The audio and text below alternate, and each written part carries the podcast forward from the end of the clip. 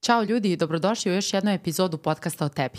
U današnjoj epizodi Jovana i ja ćemo pričati o urinarnim infekcijama, kada je moguća samo medikacija, kada je neophodno otići kod lekara i još mnogo korisnih saveta.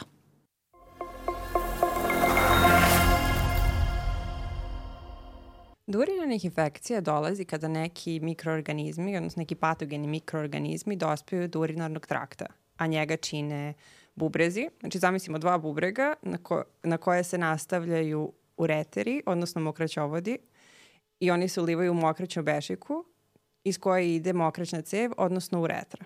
Do urinarnih infekcija najčešće dolazi zato što se jedna bakterija koja se zove Escherichia coli prekomerno raznoži u a, mokraćnim putevima pre svega i u tom mokraćnom traktu. E sad, Escherichia coli je bakterija koja se inače, koja je inače prirodni stanovnik digestivnog trakta, znači prirodno se nalazi u crevima i u određenom broju, e, kada je naš organizam u balansu, ona ima brojne uloge, dobre uloge. Međutim, kada određeni sojevi Escherichia coli koji su uropatogeni, odnosno koji mogu štetno direktno da utiču na mokraćne puteve a, i na mokraćni trakt dospeju u a, urinarni sistem i kada se tamo prekomerno raznože, onda dolazi do urinarne infekcije. Ono što je meni jako zanimljivo jeste kako izgleda ta bakterija Escherichia coli. Ona uh, ima malo telo koje izgleda kao, kao neki smoki, na primer. To štapić kao. Da, kao štapić i na sebi ima određene fimbrije, odnosno pile. To, da, to su pipci kojima se ona kači za um, zid mokraćnih puta u ovom slučaju i ima flagele, odnosno repić, repiće kojima se kreće. I tako ona i dospeva u urinarni da, urinarni trakt, tako što pređe, može da pređe iz uh, digestivnog trakta, može da pređe u urinarni trakt, zbog, to ćemo se dotaći sad uskoro, ali uglavnom ona jako se lako kreće uh, kroz urinarni trakt zahvaljujući svojoj građi. I da, neće svaki soj ove bakterije da izazove urinarnu infekciju, već samo uropatogeni sojevi i ona nije jedini uzročnik, Postoje i druge neke bakterije, a to su Staphylococcus saprophyticus kod seksualno aktivnih žena, mladih žena, zatim Klebsiella, Enterobacter, Enterococcus, Pseudomonas, takođe a, može i hlamidija da dovede do urinarnih infekcija. Ali danas ćemo se najviše fokusirati na Escherichiju zato što je ona najzastupljenija, izaziva u 80 do 95% slučajeva izaziva urinarnu infekciju. Jeste. Ja bih samo dodala da u redkim slučajima mogu i virusi i gljivice da izazovu urinarne infekcije, ali to je opet dosta redko. Mm -hmm. um, I sad ti si dotakla, znači, iz digestivnog trakta dospevaju do urinarnog trakta. To je i to je zapravo jedan od razloga zašto kod žena češće dolazi do urinarnih infekcija, zato što prosto anus, odnosno kraj digestivnog trakta mm -hmm. i uretra, odnosno kraj, um, kraj urinarnog trakta su blizu. Kod žena su bliže, je. kraća je ta regija. Jeste, da, blizu su, a još uretra je i kraća kod žena, zato što kod muškaraca ima prosto više, više, više prostora. prostora. Da. Tako da kod žena je oko 3-4 uh, cm, dok je kod muškaraca oko 20 cm. Mm -hmm. Tako da bakteriji mogu, ona trebaju da se popnu samo 3-4 cm do mokreće bešike, dok kod muškaraca ima, ima da se putuje. da pređu dugačak put. Da, da, da. E, ali ono što je, onda kad smo već pomenuli to, kod žena postoje i komplikovane i nekomplikovane infekcije, bakterijske, urinarne infekcije, a kod muškaraca kada dospe u urinarni trakt, sve, su, sve se smatraju komplikovanim. Zato što se kod njih to redko dešava i zato što bude mnogo komplikovanije. Da.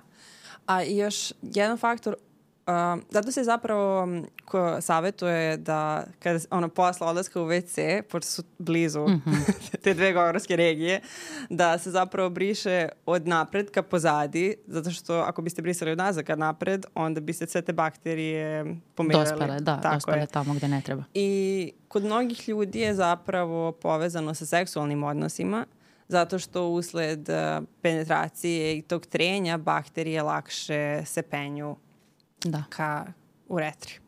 Ok, dalje, uh, koji su još faktori predispozicije? Ja bih dodala još i ranije urinarne infekcije, uh, korišćenje raznih, uh, da kažem, iritanasa, ali to, to bih rekla korišćenje neadekvatnih sredstva, neadekvatnog sredstva za higijenu. Odnosno, Uh, ljudi uglavnom koriste, stvari koje koriste za telo koriste i za intimnu regiju, a to ne bi trebalo. Ako već žele, najbolje je u većini slučajeva što a, i lekari preporučuju samo voda, ali u nekim slučajevima neophodno. Zato što tako se održava taj balans. Znači čim se ubaci neki tu da kažem, u tom slučaju jeste stvarno iritans, naruši se pH vrednost sluzokože i onda lakše dolazi do razvoja ovih bakterija i da u tom slučaju ako već neko želi neku tu kupku, treba da bude za intimnu regiju, da pH bude 5,5 i da bude da bi da ne bi došlo do pore, narušavanja ravnoteže sluzokože. Ja bih dodala da šta još može da utiče, to je da pospešuje razvoj urinarnih infekcija. Tu su, na primjer, neka stanja koje obstruiraju urinarnih trakt poput kamenja u mhm. bubrezima, uh -huh. zatim diabetes može da utiče, onda neke poteškoće da se bešika prazni u potpunosti, jer ako se bešika ne prazni u potpunosti, to znači da deo tog starog urina ili bakterija koje su dospele zaostaju A poenta je da se, mislim to ono, saveti kada neko se muči sa urinarnim infekcijama je da se ide, ono, da se prazni bešačka što češće, zato što bukvalno mehanički se ispira urinarni tak, na taj način. Onda korišćenje kontraceptivnih uh, dijafragmi ili kondoma koje sadrže spermicide, mm -hmm. slab imunitet, što je generalno faktor za bilo koju infekciju, E, urinarni kateteri, uvećana prostata kod muškaraca, trudnoća i konstipacija. Mm -hmm. Jer generalno kako se telo čisti uh, kroz uriniranje, jako mm -hmm. čudno da se kaže, ali da, kako se telo čisti, mislim, čisti bešiku tako što urinira, urinira tako se i digestivni trakt um, čisti... Defekacijom. Tako, hvala. Kakenja. Tako je. Tako da ono, ne treba da se trpi, jer sve što se trpi zapravo zadržava te bakterije u telu. Ali ono što smo zapravo trebalo da objasnimo još na početku je to je kako zapravo urinarne infekcije izgledaju, koji su njihovi simptomi. Ok. Da li želiš ti, pošto mogu ja da počnem. Prva stvar je, jeste učestalo mokrenje, jako male količine tečnosti, odnosno urina, nekad su, to i ka, nekad su i kapi u pitanju, peckanje pri uriniranju i bol u donjem delu stomaka može i ne mora da bude i to su znaci neke početne infekcije. Ja bih dodala zapravo da je bitno da se razgraniče infekcije donjeg dela trakta i infekcije gornjeg dela urinarnog mm -hmm. trakta. Jer zapravo infekcije počinju sa, prvi ti simptomi, to što si ti pomenula, se više odnosi na infekcije donjeg dela urinarnog trakta, jer a, sad kako vizualno nekome da pomognemo zamisli, uglavnom te infekcije počinju od dole. Znači, mm -hmm. dole je uretra, i onda se penje infekcija ka mokraćnoj bešici, pa dalje ide na uretar i tek na kraju ide na bubrege. I onda su to prvi ti simptomi zapravo, znači povećan nagon za mokrenjem, bol ili osjećaj nelagode dok se mokri, nagla potreba za mokrenjem. Kao nije vam spiškilo, a sad odjednom ćete se upiškiti mm -hmm. ako ne stignete, znaš kao, svak, zadnji čas. Zatim, osjećaj da se bešika nije ispraznila nekako na WC i kao i piški, ali ne osjeća da je mm -hmm. to to. A, zatim, Neprijatan miris. Tako je. Može čak biti zamućen urin. Nekako onako tmuran. Zatim bol u donjem delu stomaka. Urin čak može da se drži i krv i osjećaj da da mi je loše. Mislim, kao prosto osjećaj da ne, nešto nije kako treba. Da, i ceo organizam ima laksalost, može da dođe do pojava malaksalosti umora i tako dalje. Ali donje urin, to, infekcije donjeg urinarnog trakta zapravo mislim, često se dešavaju stvarno i uglavnom nisu razlog za veliku zabrinutost, ali ako dođe do infekcija gornjeg dela trakta, znači to su u pitanju bubrezi i ureteri, um, pored ovih simptoma koje smo diskutovale sad, može da dođe i do povišene temperature preko 38 stepeni, zatim bol u leđima ili sa strane, osjećaj groznice, osjećaj da ste bolesni, konfuziju, agitaciju i gornje, te infekcije gornjeg e, dela trakta mogu da izazovu ozbiljne komplikacije ako se ne leče, jer mogu da oštete bubrege ili čak da se infekcija proširi do krvotoka, što, može da znači, što znači da je zapravo došlo do sepsa. Mm -hmm. I infekcije gornjih uh, delova urinarnog trakta.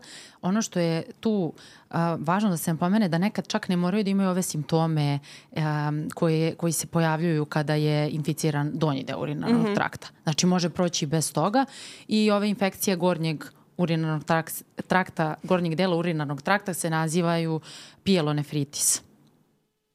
Ako, do, ako, ako dođe do... Ne, baš je gornji delovi urinarnog trakta, tako nam piše u smjernicama. A, okej. Okay. Bubrežnih, bubrežnih kanala i bubrega, to sve što si ti nabrojala. Sada je vreme da pređemo na terapiju urinarnih infekcija. Super, ali pre nego što nastavimo sa terapijom, bilo bi zgodno da definišemo par stvari. Dakle, većina urinarnih infekcija su akutne, znači, što znači da traju par dana i ako zahtevaju lečenje, leče se takođe par dana i to je to. Ipak moguće je da urinarna infekcija bude i produžena i da se lu, dugo leči, što se smatra hroničnom urinarnom infekcijom. I one su um, neredko znak da postoje dodatni zdravstveni problemi. A, postoji nešto što se zovu rekurentne infekcije. A, rekurentne infekcije znači da postoje dve ponovljene u, uh, urinarne infekcije u okviru šest meseci.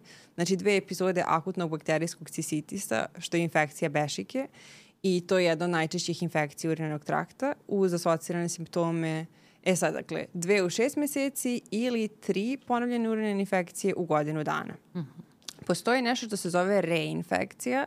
To je kada dođe do infekcije drugom bakterijom unutar 7 do 10 dana od izlečenja prehodne infekcije i postoji nešto što se zove relaps, kada se urinarna infekcija istom bakterijom javi unutar 3 nedelje od izlečenja. A, dodatno, nadalje ćemo da pominjemo i komplikovane i nekomplikovane urinarne infekcije i većina urinarnih infekcija je nekomplikovana, a ono što je ključna razlika među ova dva tipa je zapravo u prisustvu oboljenja koje olakšavaju nastanak infekcije mokrašnih puteva i sad te komplikovane urinarne infekcije se prepoznaju zato što postoje sistemski simptomi poput narušavanja brojki belih krvnih zrnaca, postoji temperatura, groznica, bolovi, bol u leđima i često se dovodi u vezu sa gornjim urinarnim traktom. Ja bih dodala ovo kad se kaže bol u leđima, a u vezi sa urinarnim infekcijama misli se zapravo nešto na sredini leđa, znači više. Nije ovaj skroz donji bol, jer taj donji bol u leđima je zapravo više da nešto mehanički nije u redu, da li ste sedeli neudobno ili nikad niste vežbali. Ali dok bubrezi bole više tamo negde na pola leđa. Vratila bih se samo, rekla si kada je u pitanju hronična urinarna infekcija, da je to udruženo sa nekim drugim problemima. Ja bih tu rekla kada je naš imunološki odgovor, da kažemo, oslabljen u tim slučajevima. Kod osoba, to smo pomenuli u prvom delu, koje imaju diabetes, dolazi često do tih uh, urinarnih infekcija. I da li, još, da li bi dodala još nešto? Pa, Generalno kada je organizam oslabljen. Jeste, da, ili to ono kamenje u bubregu ili nešto. A da li uh, si pomenula asimptomatsku bakteriuriju? To mi sledeće. Ok. Definiciju želimo. Um, pa mislim, najprostije rečeno, simptomatska bakteriurija je um, postoje bakterije u urinu, ali ne postoji ništa od ovih simptoma koje smo malo pre diskutovali. I ovo se generalno ne leči, sem kod trudnica ili, uh, tokom prvog meseca od uh, tokom prvog meseca od transplantacije bubrega, kod svih ljudi, ne samo kod trudnica, ili pre nekih uroloških procedura, ali to navodno ono, pod praćenjem lekara. Da, i dobro je što si pomenula to za trudnice, zato što sam čula više puta uh, od kolega koje rade u apoteci da dođu trudnice da imaju urinarnu infekciju. Lekar, odnosno ginekolog im je propisao terapiju, ali one neće da je piju zato što su čule negde tamo da uh, taj antibiotik ima neke tamo pomoćne substance koje mogu da im naškode. To nije dobar pristup zato što Naravno da nije dobar pristup. Lekar je procenio da je to važno da se propiše, da se taj lek ispije kako bi se urinarna infekcija otklonila jer one mogu biti jako, kao što, ono što smo na početku pričali, koliko mogu da se zakomplikuju. Jeste i to ono pored samog ono rizika po zdravlje trudnice može doći i do prevremenog porođaja kao prosto zato što to Zato, zato se prati, generalno svako ko se kod trudnica prati ono stanje urina i onda ako se primeti da ima simptoma ili bakterije, to se leči. Tako je i ginekolozi znaju koji lekovi su dozvoljeni u trudnoći i oni to jako dobro znaju i doći ćemo posle i do toga u terapiji. Ti si pomenula sve ginekologa, ali ono što bi bilo zapravo zgodno da se e, raščisti je koji lekar je za urinarne infekcije. E, ide se uglavnom kod urologa, Nefrolog je za bubrege, tako da se kod njih ide ako je infekcija gornjeg dela urinarnog trakta. I mislim, može da se odi kod lekara opšte prakse, kao i on može da vam prepiše antibiotik, ali ako imate problem sa, na primjer, rekurentnim urinarnim infekcijama, definitivno trebate da idete na konsultacije kod urologa, jer će on moći da vas ono, isprati da najadekvatnije savete. Hoćemo da se vratimo na komplikovane i nekomplikovane? Ili da po, možemo i da počnemo sa savetima? Pa možemo da počnemo zapravo sa ono, diskutovali smo simptomatsku bakteriuriju, je sad sledeće po redu bi bio neki ak, bi bio akutni nekomplikovani cistitis. E sad, ono na što sam se ja pozivala za današnju epizodu je nacionalni vodič za lečenje nekomplikovanih infekcija mokraćnih puteva iz 2022. Čiji je to vodič? Pa Ministarstva zdravlja. Mhm. -huh. Mislim, naš je. Uh mhm. -huh. Onaj naš. da, da, da. da. Ja sam, ja sam se pozivala na farmaceutsku zdravstvenu zaštitu u terapiji akutnog, akutnog cistitisa kod žena iz 2021. Mogli biste to malo da updateujete. Ja nisam našla novi. Ako ima, neka neko pošalje. E sad, a što se tiče definicije, akutni nekomplikovani cistitis se definiše kao akutno zapaljenje mokraćne bešike. I gotovo polovina žena tokom svog života doživi najmanje jednu epizodu cistitisa, a svaka treća žena ima najmanje jednu epizodu cistitisa do, svoje, znači do 24. godine svog života. I faktori, kao što smo pre uključ, ono, diskutovali, faktori rizika su seksualni odnos, upotreba spermicida, promene seksualnih partnera uh, i podatak u ličnoj anamnezi o infekcijama mokraćnih puteva u detinstvu. Tako da ima... Um, Loša higijena. Tako je. Ja bih samo dodala da mi danas ono većinski, i sve što pričamo, pričamo za odrasle danas, ali česte su i urinane infekcije kod dece, ali nećemo se fokusirati na to. Ali da znate da nije ista terapija za odrasle i. Tako je i nije ista ni terapija ovo koju sada pričamo biće namenjena najviše ženama zato što kod lečenja urinarnih infekcija kod muškaraca drugačiji je. Baš zato što su ređe, drugačiji je um, drugačiji je protokol i ono što je važno za decu mlađe od 16 godina, svaka urinarna infekcija treba da se odma osoba obrati lekaru, to je roditelji da odvedu dete kod lekara. Znači za svako dete mlađe od 16 godina. Ja bih krenula kako sam ja shvatila ove naše smernice. Znači, dobijamo simptome, prve simptome urinarne infekcije. Da li to znači da ja, ako sutra dobijem simptome, da li moram odmah da idem kod lekara? Ja ne moram. To je zato što ja, na primjer, nemam česte urinarne infekcije, nemam ih uopšte, hvala Bogu. I, um, znači, dobijem bol u donjem delu stomaka, često mokrenje. Šta ja mogu da uradim kao pacijent? Mogu da odem u apoteku i da se posavetujem. Zato što neke navike mogu stvarno da, da ubrzaju oporavak i vreme za odlazak lekaru je ako nakon ove samo medikacije koje ću pomenuti vrlo uskoro, ako ne prođu nakon dva dana, a simptomi se pogoršavaju, takođe ako nije prisutno ništa od razloga za upućivanje lekaru, onda mogu sama da se lečim i u tome je prošlo posle dva dana, svi srećni, svi zadovoljni. Da li uh, treba sada da kažem šta, koji su razlozi upućivanja lekaru? Možemo na izmeniču. Može. Kažem, ako a, simptomi bakterijske urinarne infekcije nisu prošli posle dva dana nakon a, inicijalnog lečenja u savjetovanju, savjetovanju sa farmaceutom. Zatim, ono što je mnogo bitnije, groznica, mučina ili povraćanje, odnosno povišena temperatura. Bol ili osetljivost u predelu prepona i bubrega, to si malo prelepo objasnila, to odmah, nebitno koliko je dana prošlo, odmah se ide. Uh, Zatim krv u urinu i vaginalni iscedak, deca mlađa od 16 godina, žene starije od 65 godina, muškarci starije od 50 godina. U stvari ne, muškarci uvek treba da idu kod urologa, pardon. Um, pacijenti sa diabetesom, imunokompromitovani pacijenti, trudnice i pacijenti sa nedavnom hiruškim zahvatima. To je, nema uopšte razmišljanja, odmah se ide kod lekara kako ne bi došlo do uh, ovih ozbiljnih komplikacija urinarnih infekcija. Ja da li sam, se slažeš? Apsolutno, sve si savršeno rekla. Da, dodala bih samo da ako je neko eto, ono, koristio terapiju i simptomi se vrate neposredno nakon te terapije isto odmah kod lekara i takođe ako inače se mučite sa češćim urenim infekcijama isto kod lekara na dalje savete. Na savete kako bi se naša neka prevencija, ali sad ćemo se dotaći. Ja bih sad pomenula to šta se dešava, šta e, pacijent, osoba treba da uzima u tom momentu kada se pojave prvi simptomi. Kako on može sebi da pomogne da, da, što, da skrati taj put.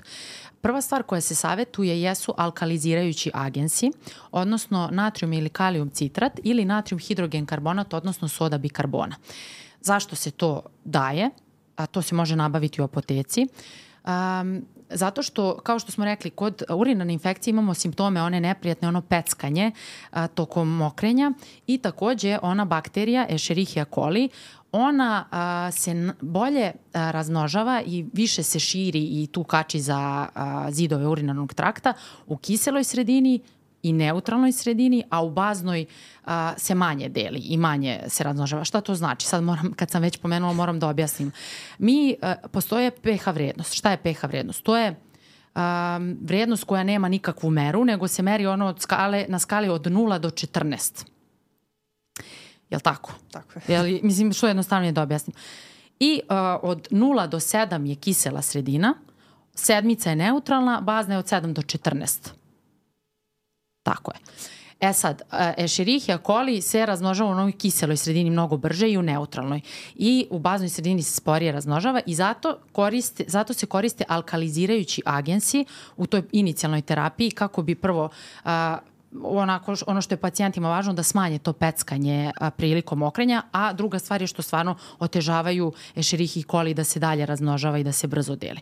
To je prva stvar. Znači soda bikarbona, natrium ili kalijum citrati i to se uglavnom može naći u nekim suplementima ono kada odete u apoteku ima ceo deo za urinarni trakt, to se može naći tamo, a takođe ljudi pitaju često da li onda mogu sodu bikarbonu da koriste na svoju ruku, jer dosta ljudi ima sodu bikarbonu u svojoj kući. Prva stvar, to mora da bude soda bikarbona za oralnu upotrebu, bez aluminijuma.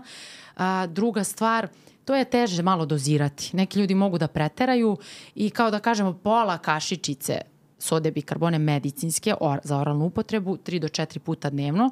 To je samo znači, u tom inicijalnom stadijumu, kada nema nikakve druge terapije. Um, I to je važno jako da se napomene da osobe koje imaju povišen krvni pritisak treba da vode računa i a, zato što u sodi bikarboni postoji natrium koji može da doprinese još većem povećanju krvnog pritiska. Tako da svako ko ima neku hroničnu bolest m, treba da se posavjetuje dodatno. Ovo su samo neke smjernice kako da se olakša taj put i sad soda bikarbona imaju u tabletama. To je dobro zato što tačno ima određeno koliko možeš da popiješ i u kesicama da se rastvori. I to je to što se tiče ovog alkalizirajućeg agensa. I sad odmah da napomenem da ne bi došlo do zabune.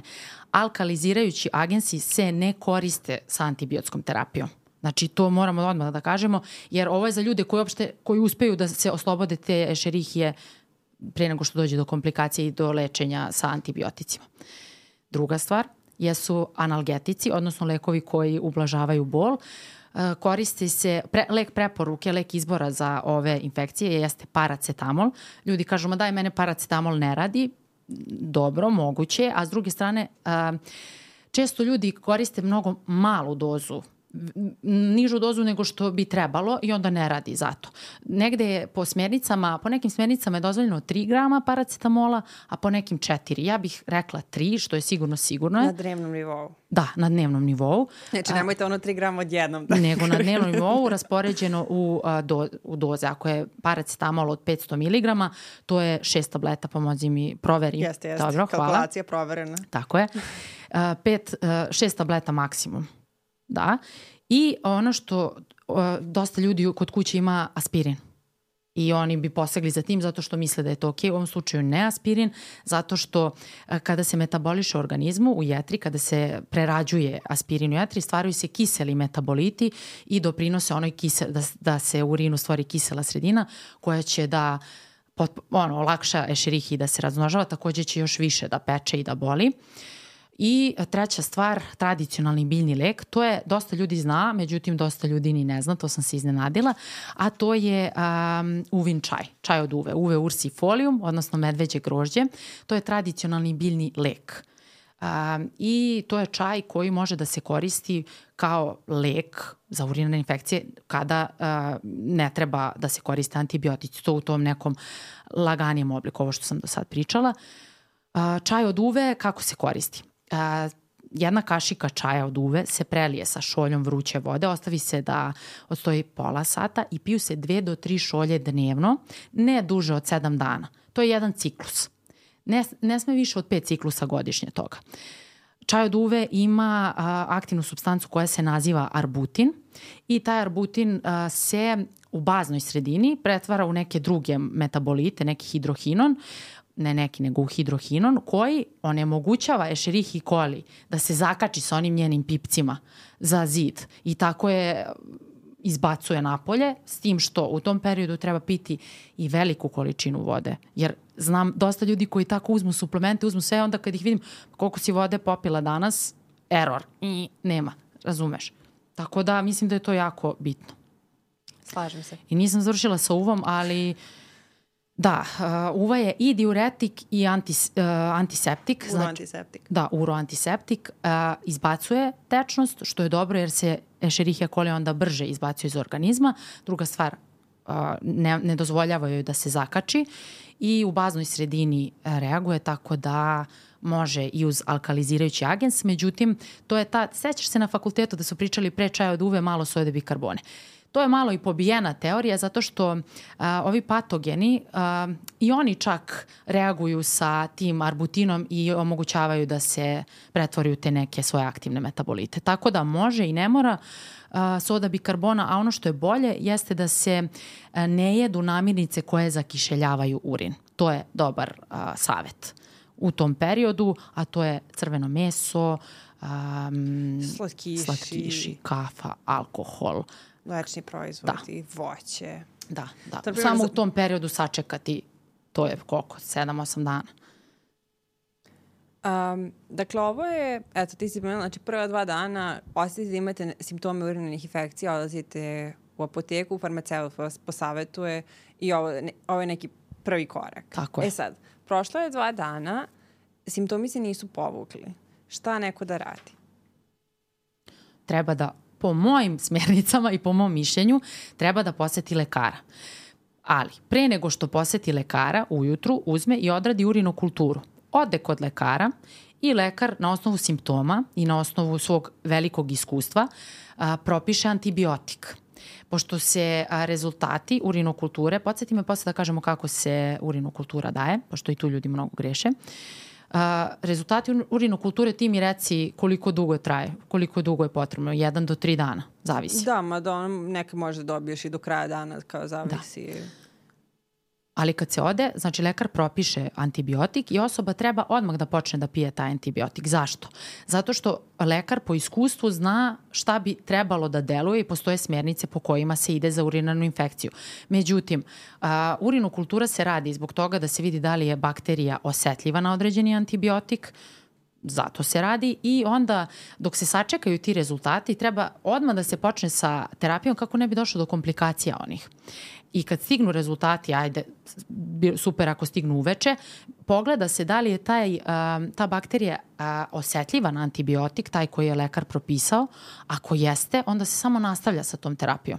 Ako nije, onda se ode kod lekara da lekar nađe zamenu za taj antibiotik. Tako sam ja to shvatila i to mi stvarno ima smisla zato što um, smanjuje i rezistenciju na antibiotike, a i smanjuje to, da kažem, neko rekurentno, ove rekurentne bakterijske urinarne infekcije. Jer ako neko odmah krene sa nekim antibiotikom i to samo um, koristi, a njegova bakterija postaje sve rezistentnija, šta će biti sledeće godine? Neće mu delovati ništa. Zato mislim da je ovo dobra praksa. Um, da, ali mislim kao to te, teorijski ima smisla, ali generalno se urinarne infekcije dalje dosta leče empirijski i dosta lekara, mislim generalno i u ono, nacionalnom vodiču kao se kaže dijagnoza akutnog nekomplikovanog cistitisa se u 90% slučajeva može pre, uh, postaviti na osnovu prisutnih simptoma. I To je okej. urinokultura je indikovana tek kada dijagnoza akutnog nekomplikovanog cistitisa nije jasna na osnovu anamneze i pregleda ili kada postoje ti persistirajući simptomi. I, I zapravo većina urologa, bar eto u mom iskustvu, će reći kao više mi znači da mi uradiš ono sediment urina nego da radiš urinokulturu, kao to je bacanje para. E, i za, Koliko košta urinokultura? Otprilike?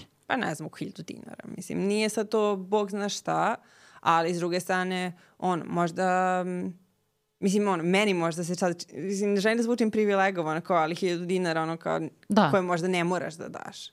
To jeste, I- ali šta ćemo kad postane rezistentna? Da, ali bakterija ti ne postaje re- rezistentna preko noći. Eto, ti imaš prvi put simptome, odlaziš kod lekara i sad ti se već mučiš nekoliko dana, odlaziš kod lekara i da mi se odlaziš kod lekara, a ne znaš da treba da se uradi sediment urina i urinokultura i on te vrati. Vrati kaže, ne, ne, ne, ti Dobro, moraš sutra ujutru da radiš prvi jutarnji urin, da uradiš u, ono, To je okej. urinokulturu i onda se vrati kad ti stignu rezultati, kad dobiješ termin kod mene, pa ću ja da ti dam antibiotik. Jeste, brate. Pogotovo u Srbiji može dobiješ antibiotik kako hoćeš, realno. Mislim, ono, To, čemu ne to me pričam, ali možeš. to me brine. I onda će, znaš, mislim, prosto urin, ono, e, um, urinarne infekcije su česte, ali umeju da budu strašno neprijatne. I u tom smislu kao jeste, super da se uradi sve školski, ali za ljudi koji ne znaju šta sve trebaš da uradiš, kao pojenta je da kad odeš kod lekara, da ti neko izađe u suzar i da ti terapiju koja može da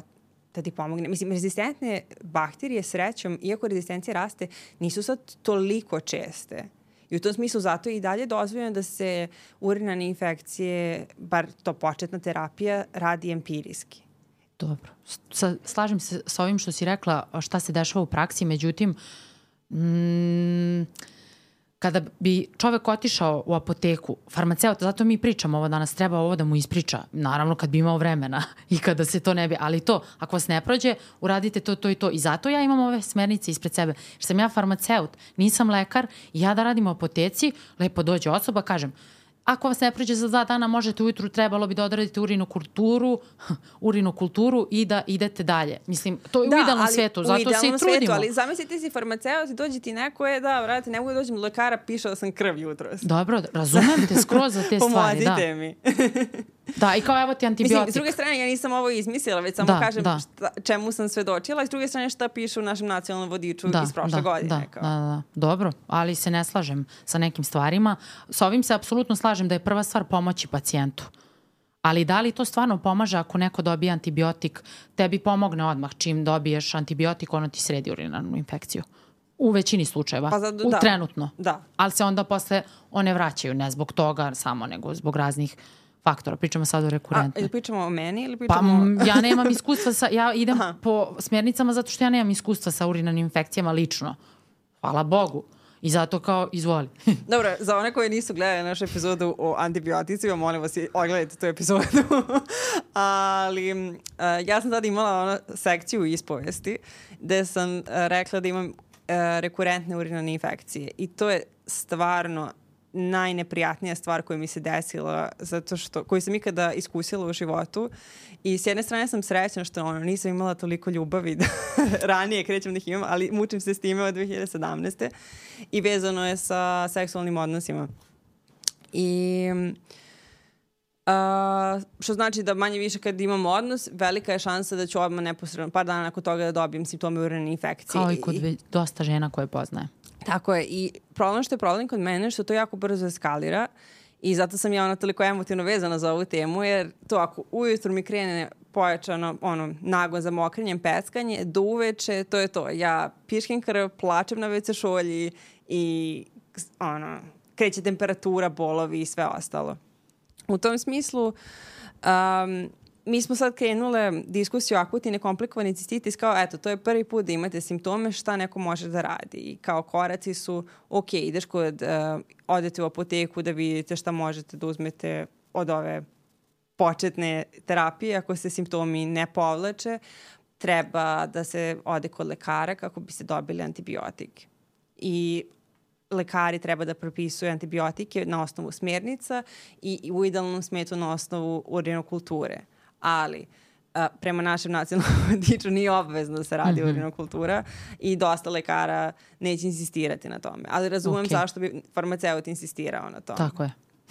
I ono, pričali smo o cijeloj onoj rezistenciji na antibiotike i to doprinosi. Ali ono, prvo pomoći pacijentu, to, sa tim se slažem. Sa tim se apsolutno slažem. Ok, um, kada se dobije antibiotik, možemo da pređemo na antibiotike onda. Pa može. Znači, na osnovu kliničke slike ili uh, urinokulture um, trebalo bi, ono što su lekovi prvog izbora za terapiju akutnog uh, nekomplikovanog cistitisa su fosfomicin, uh, trometamol, nitrofurantoin i pivmencila i pimecilinam. Oprostite na mom lošem čitanju. Na mom francuskom. Oprostite na tome što me izneveri obrazovni sistem. e sad, kako ovi antibiotici rade i zašto baš oni?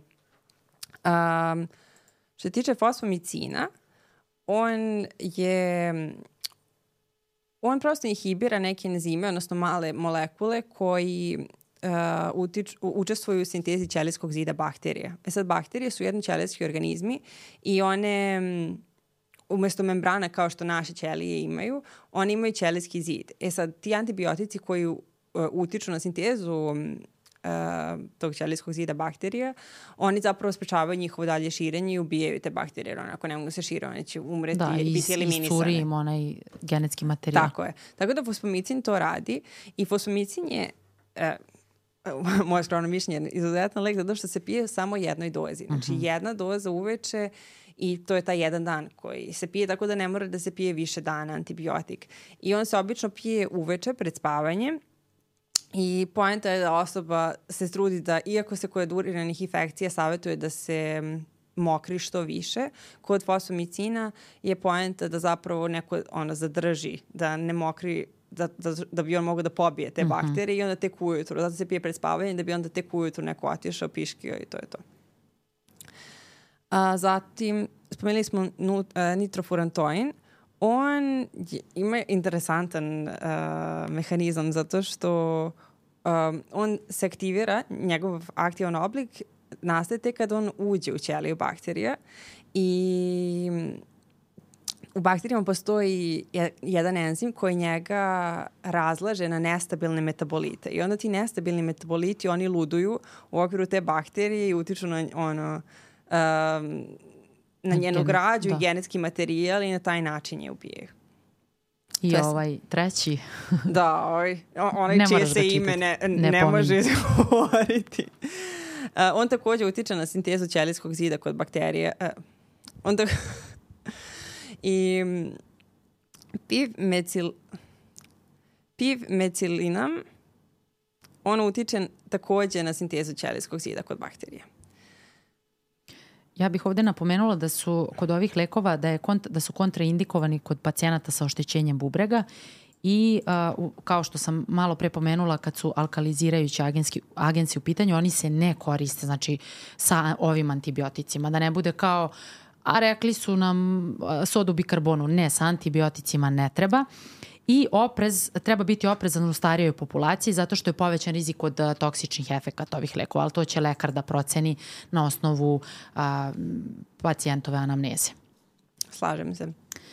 Uh, ok. Onda kaže, znači ovo je bio prvi izbor. E sad, Fluorohinoloni, to su takođe antibiotici i oni utiču na genetski materijal bakterije i na taj način ih ubijaju i ispečavaju njihovo deljenje, uh, to jest množenje.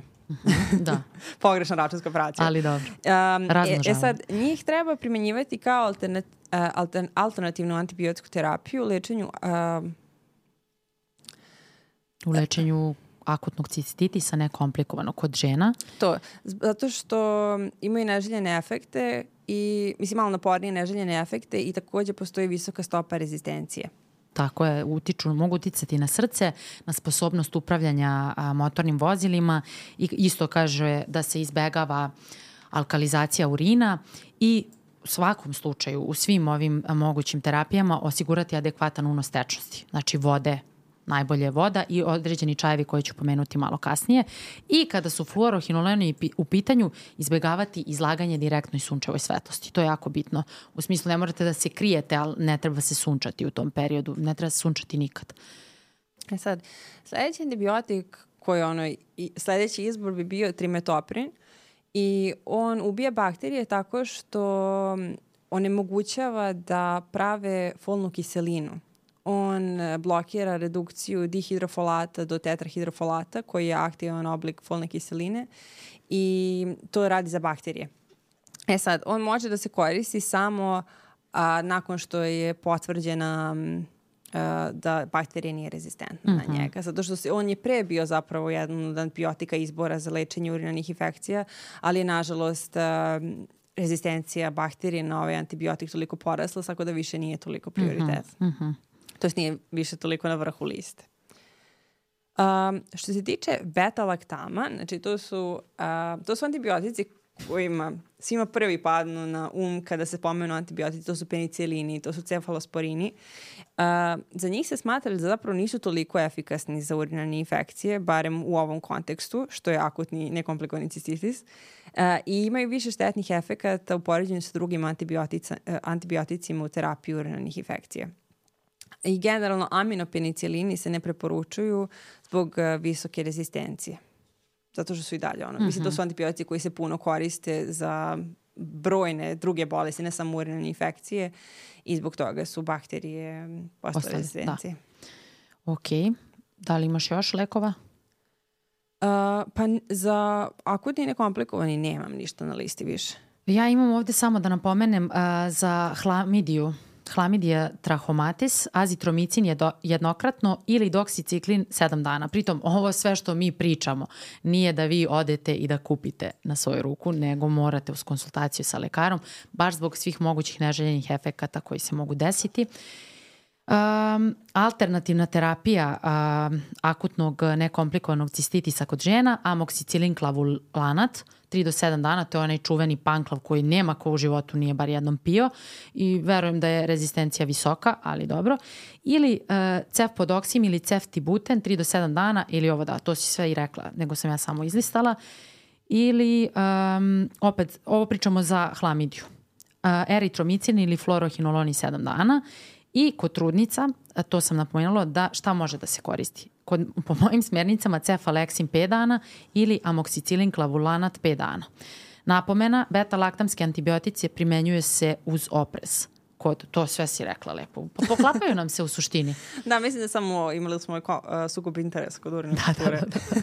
da, ali jedna stvar, kad si pomenula urinu kulturu, završila bih, postoje slučajevi kada rezultati urinu kulture nisu uh, validni. Uh, a to je um, kada ako pacijent pre nego što uradi ur, urinokulturu je završio neko lečenje antibioticima ili je počeo da uzima antibiotike pa odradi urinokulturu. I zato ja kažem ono što na početku, prvo odradiš urino, urinokulturu ako nije toliko ono, da nije toliko neizdrživo, mislim, ne znam šta da kažem, stvarno ti znaš bolje. Uh, i onda se odnese tek, baš zato što će antibiotici, ako se posle uradi urinokultura, kul, ako se posle, ako se posle uradi urinokultura, biti uh, lažno negativni i bi, neće biti adekvatni. Jeste, savjetite da se sačeka bar 5 dana od obustave antibiotske da. terapije.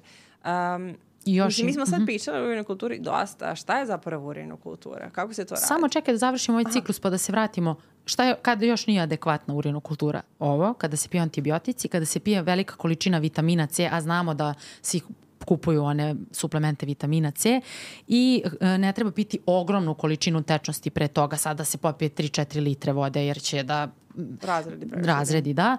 I uh, ako su osobe na terapiji diureticima, to su lekovi koji izbacuju višak tečnosti, koristi se često kod povišenog krvnog pritiska i to je to za sad. I naravno, ako se ne uzme adekvatno uzorak. Ali možemo sada da se vratimo šta je to urinokultura.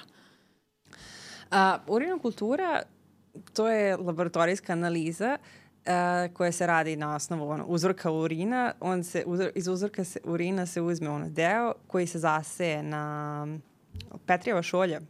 Sam to rekla kako treba? Da, da. I, I onda se, mislim, generalno se zasije, možda čak i na više različitih površina u laboratoriji i onda tu um, se gleda da li se razvila neka kolonija. I ako se razvila kolonija bakterija, onda se stavljaju mali ono delovi različitih antibiotika i ako se um, skloni bakterija s tog dela da je stavljen antibiotik, to znači da nije rezistentna na taj antibiotik. Da, da je antibiotik ostane, ubija. Tako je, a ako ostane i prosperira uprkos tome što je stavljen neki antibiotik, to znači da je bakterija rezistentna na taj antibiotik i taj antibiotik ne bi bio više efikasan u terapiji te bakterije. Sada mogu da, sada bih izlistala koji su to koraci. Mislim, to meni sad deluje tako prosto, ali znam da dosta ljudi ne uzima kako treba. Prva stvar je urin za analizu. Prva stvar je da se u apoteci ili gde god može da se nabavi ona čašica za urinokulturu koja mora da bude sterilna. To ne može da bude tegla iz kuće, ne može da bude šolja, ne može ne znam šta sve ljudima pada na pamet. To je prva stvar. Zatim, oprati ruke pre prikupljanja uzorka. Otvoriti posudu i odložiti poklopac, poklopac tako da unutrašnja strana bude okrenuta ka gore, vodeći računa da se ne dodiruje sa drugim stvarima u kući. Predeo oko genitalija treba da bude čist. Urinirati nekoliko sekundi, a zatim napraviti pauzu. Nastaviti uriniranje u posudu dok se ne prikupi dovoljno urina. To znači ono uzimanje srednjeg mlaza. Prvo mora da se otpusti taj prvi mlaz i onda se srednji mlaz uzima. Tako je, zato što je taj prvi mlaz previše koncentrovan, to je ono sve što je jeva čekalo da izađe iz Da, našeg da. ono, urinanog puta, trakta. A tek onda taj srednji mlaz um, je nekako adekvatne koncentracije za dalju analizu.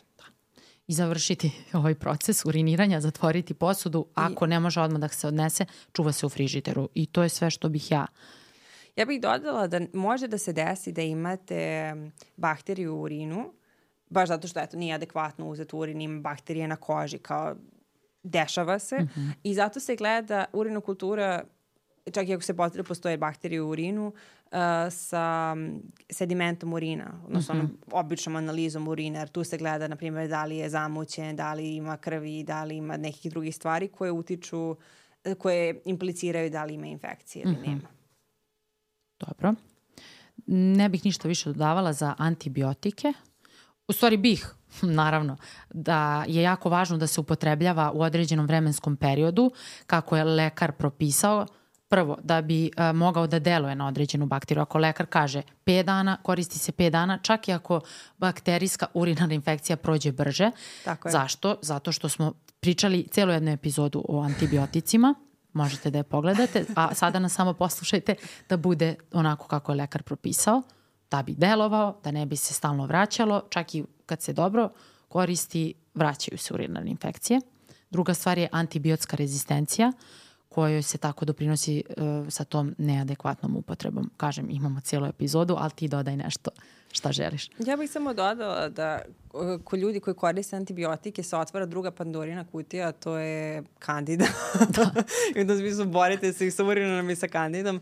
Tako da um, još jedan razlog zašto ne treba antibiotike na svoju ruku, bez nadzora lekara i takođe ono vojiti računa da sve, svaki lek koji uzmete nije nije kao to je to, rešio je sve, već kao sve nosi neki rizik sa sobom, tako da je jako bitno da da se vojite prate, računa. Da, da. da se prate uputstva i neke nefarmakološke mere, odnosno savetovanje a, kako sa nekim životnim navikama doprineti da se ovo sve što, da se neželjeni efekti lekova ublaže i da se urinarna infekcija što pre otkloni i da budemo u nekom balansu. Sad lako je meni da pričam kad ih nemam, već vidim, već vidim tebe kako si u fazonu A, ja, ja Saška ostarila ne... 30 godina Da. za ovu epizodu. Da.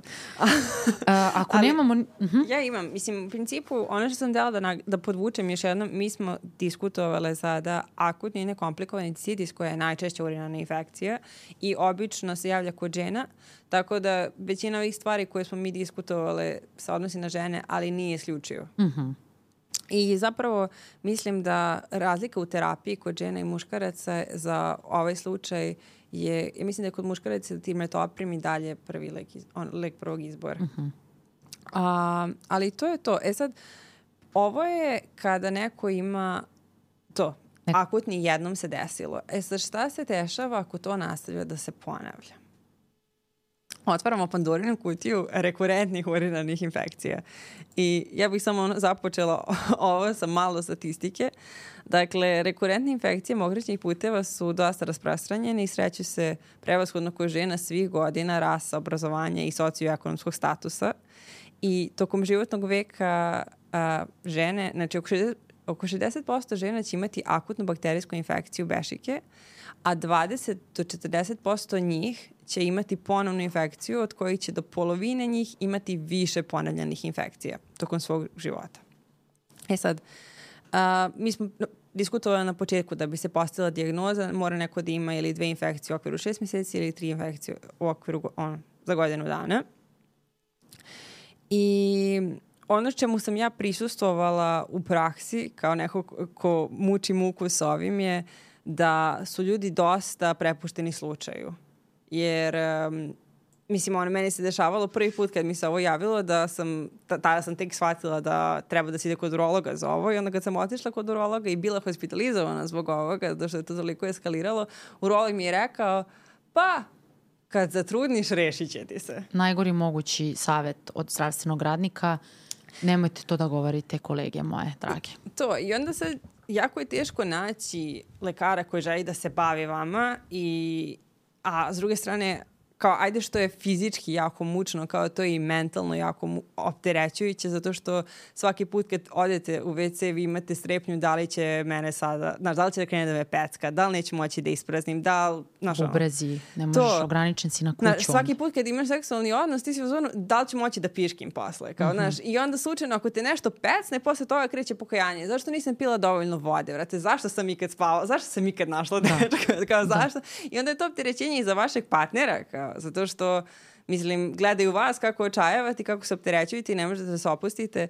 Tako da, iako mi pričamo o devojkama, kao, eto, ako ovo gleda neki lik, ako ovo gleda neki dečko, kao, podržite vaše devojke da vode računa što više o sebi, da ako se ovo dešava, kao, stvarno je strašno, nije da, nisu lude, kao, nisu da, histerične. Ne, da.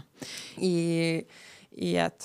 To je. Samo bih se nadovezala na to da, da, naj, faktor rizika jesu seksualni odnosi, ali ono što smo na početku pomenuli, može doći i do pojave urinarne infekcije bez ikako, i kod dece i bez seksualnih odnosa.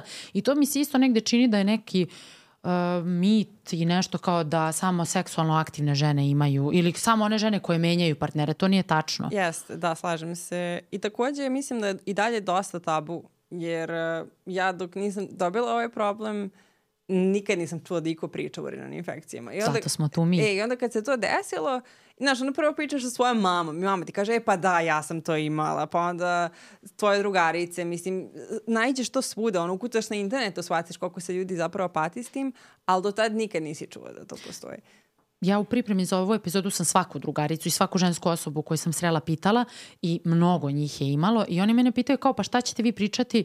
Ja kažem mi ćemo pokušati u našem u našoj epizodi da pripremimo, baš zato što si ti rekla prepušten si slučaju. Jeste. Ne, ovo ne znači da osoba treba da uzme podcast i da piše i kaže ja hoću ovaj lek. Ne, nego da pripremimo ljude da se pripreme za zdravstveni sistem, koji je ono, preopterećen yes, i ja, koji eto, kao iz svog slučaja neće da se bavi. Jako je nemilosrdan. Mislim, ja sam na kraju našla ok urologa koji je jako stručan i hteo je stvarno da ono uradi sve analize sa mnom i da mi da savete i idem jednogodišnje kod njega, ali na kraju mi je čak i on prošle godine, kada sam ja predložila da kao probamo nešto drugačije jer nije se rešilo, on je bio u fazonu, pa ti probaj, ali mislim, to se neće izrešiti, kao, to ne, nema ja pomoći. Ja verujem da hoće. I ja sam ono, vrati, kako ono, to je najdepresivnija misla koju možda mi kažeš, ono, laži me, vrate, reci mi, rešit će ne, se. Ne da laži, nego jednostavno pristupi tome kao stručnjak. A to, nemoj da odustaješ od mene. Da, da, nemoj da odustaješ i pristupi kao stručnjak, a ne kao, ne znam, ne znam kako bih nazvala to. Ali da, zato mi pričamo da pripremimo ljude i da im damo što više ovih saveta o ovim nefarmakološkim merama i o nekim suplementima, ali ti suplementi ne pomažu toliko kad dođe do infekcije, yes. oni su više za prevenciju. Jeste. E, ja bih dodala, znači kako se sad rekurentne leče? Mislim, pored toga što je pitanje da li ima leka, zato što iako su urinarnim infekcijama dosta zna i dalje se ne zna sve. Kao mm -hmm. i mhm. dalje je dosta ono pa pretpostavka ili sumnja se ili kao postoji povezanost, ali niko ne može ti kaže e, to je konkretno zbog toga. Um, Tako da rekurentne su nezgodne, ali, na primjer, kada se desi jedna, ona se leči manje više kao a, obična, akutna, nekomplikovana. Mm -hmm. A, ali je problem kada se dešavaju stalno, jer to se onda dolazi do toga da vi pijete antibiotike i to pijete kutiju antibiotika na svaka dva meseca, a, što je jako naporno i za vaš organizam i kreira rezistentne bakterije i probleme sa digestivnim traktom, kandida, to si malo prepomenula. Tako je. E sad, ono što postoji je um, profilaksa, odnosno... Prevencija. Prevencija, tako je. Znači, uh, postoji profilaktička profilak, pa da, mislim, postoji profilaksa antibioticima i um, to znači da se uzimaju antibiotici čak i kad nema simptoma, ali drugačiji, drugačiji je režim. On, postoje uh, opcije da se, na primjer, pije mala doza antibiotika, uglavnom nitrofurantoina, mm -hmm. um, Meni stoji par meseci. trimetoprim, sulfa meta, uh, trimetoprim, sulfa metaksazol, nitrofurantoin i cefaleksin i kaže odmah pri pojavi prvih simptoma, uzimanje antibiotika posle seksualnog odnosa, dnevna profilaksa, odnosno prevencija antibioticima, to je sad što si ti rekla, u trajanju do godinu dana, u slučaju da su prethodne mere neuspešne i onda najčešće se koriste, koriste ova tri antibiotika. I to je sve u dogovoru sa lekarom. Sa lekarom da. tako da. je. Jer prosto neko mora da vas isprati, jer svi ovi lekovi i dalje imaju neželjene efekte. I kao ne želite da rešavanjem jednog problema napravite novi problem. Tako je. I pogotovo što zapravo i ne postoje rezultati istraživanja, kao mislim zašto se sve preporučuje na godinu dana, zato što su, eto, mislim, neko je sprovodio istraživanje godinu dana i objavio validne rezultate koji su mogli da su uh, u svoju medicinsku praksu. Tako da, znaš, niko nije to koristio 20 godina pa da može da kaže e, ovo je bezbedno 20 godina. Uh mhm. -huh. Tako da i to je opet neizvjesno zato što, eto, ti si možda našao rešenje na godinu dana, šta će da radiš posle, uh mhm. -huh. mislim, rizikuješ, kao zato što nije zvanično potvrđeno da je to bezbedno. Da se, mislim, ovako, to na godinu dana jeste bezbedno. Da. Ne želimo da zastrašujemo nekoga ko vam svakako će vam biti život mnogo lakši. Naprimjer, ja koristim, popijem tabletu uh, nitrofurantoina posle seksualnog odnosa i godinu dana već nisam imala simptome što je izuzetno. Odlično. Ali, ali eto, to je u dogovoru sa mojim urologom i opet kao eto sad je isteklo tih godinu dana i ne znam šta da radim dalje.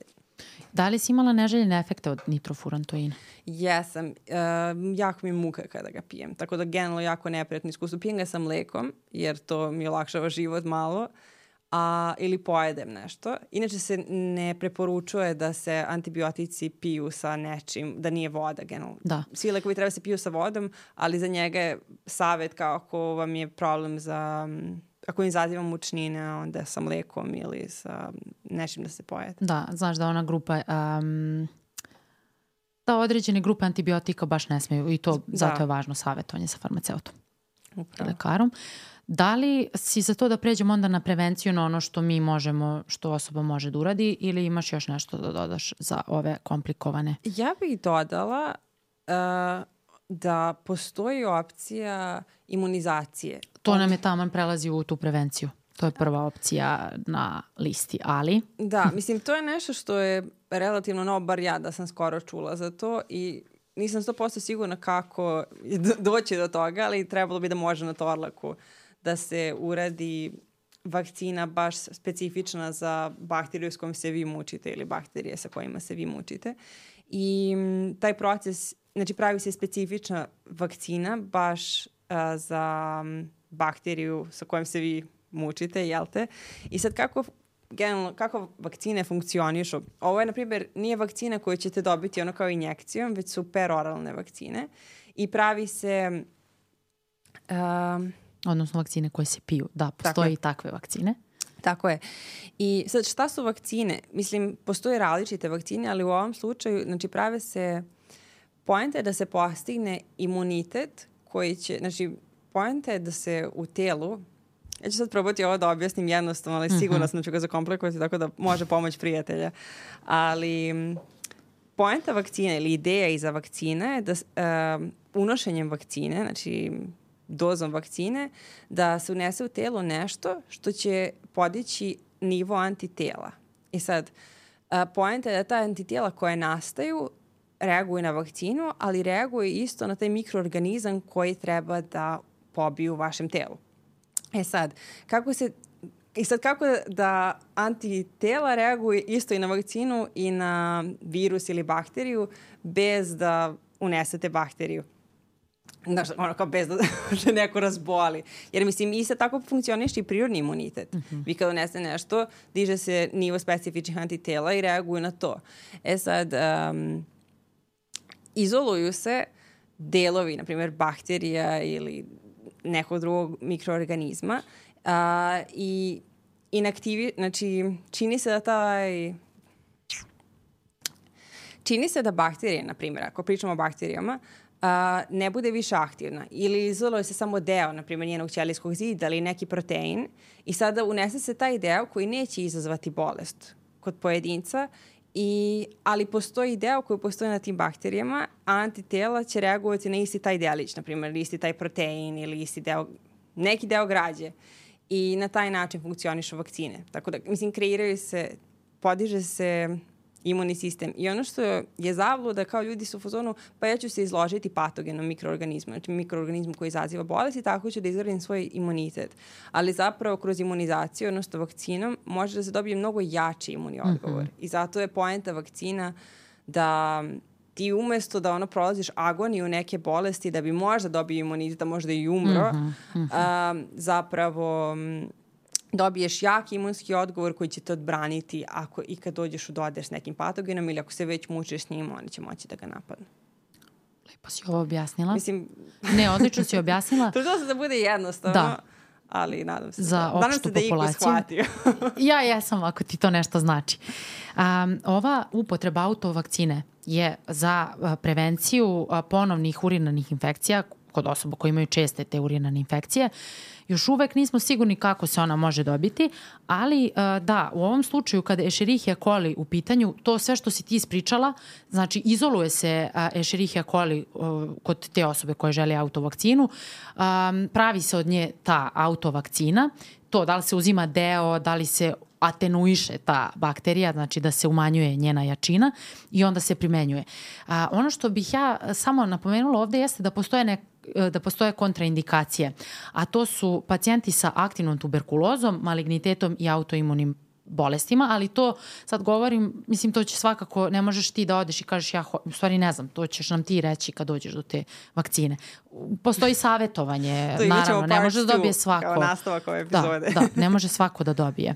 I nadam se da će to da zaživi jer mi deluje kao odlična opcija s obzirom na to da se mnogo žena muči sa tim. Jeste i mislim to je način da se zaobiđe rezistencija na antibiotike jer eto ti neko više neće morati da primenjuje antibiotike jer je dobio vakcinu.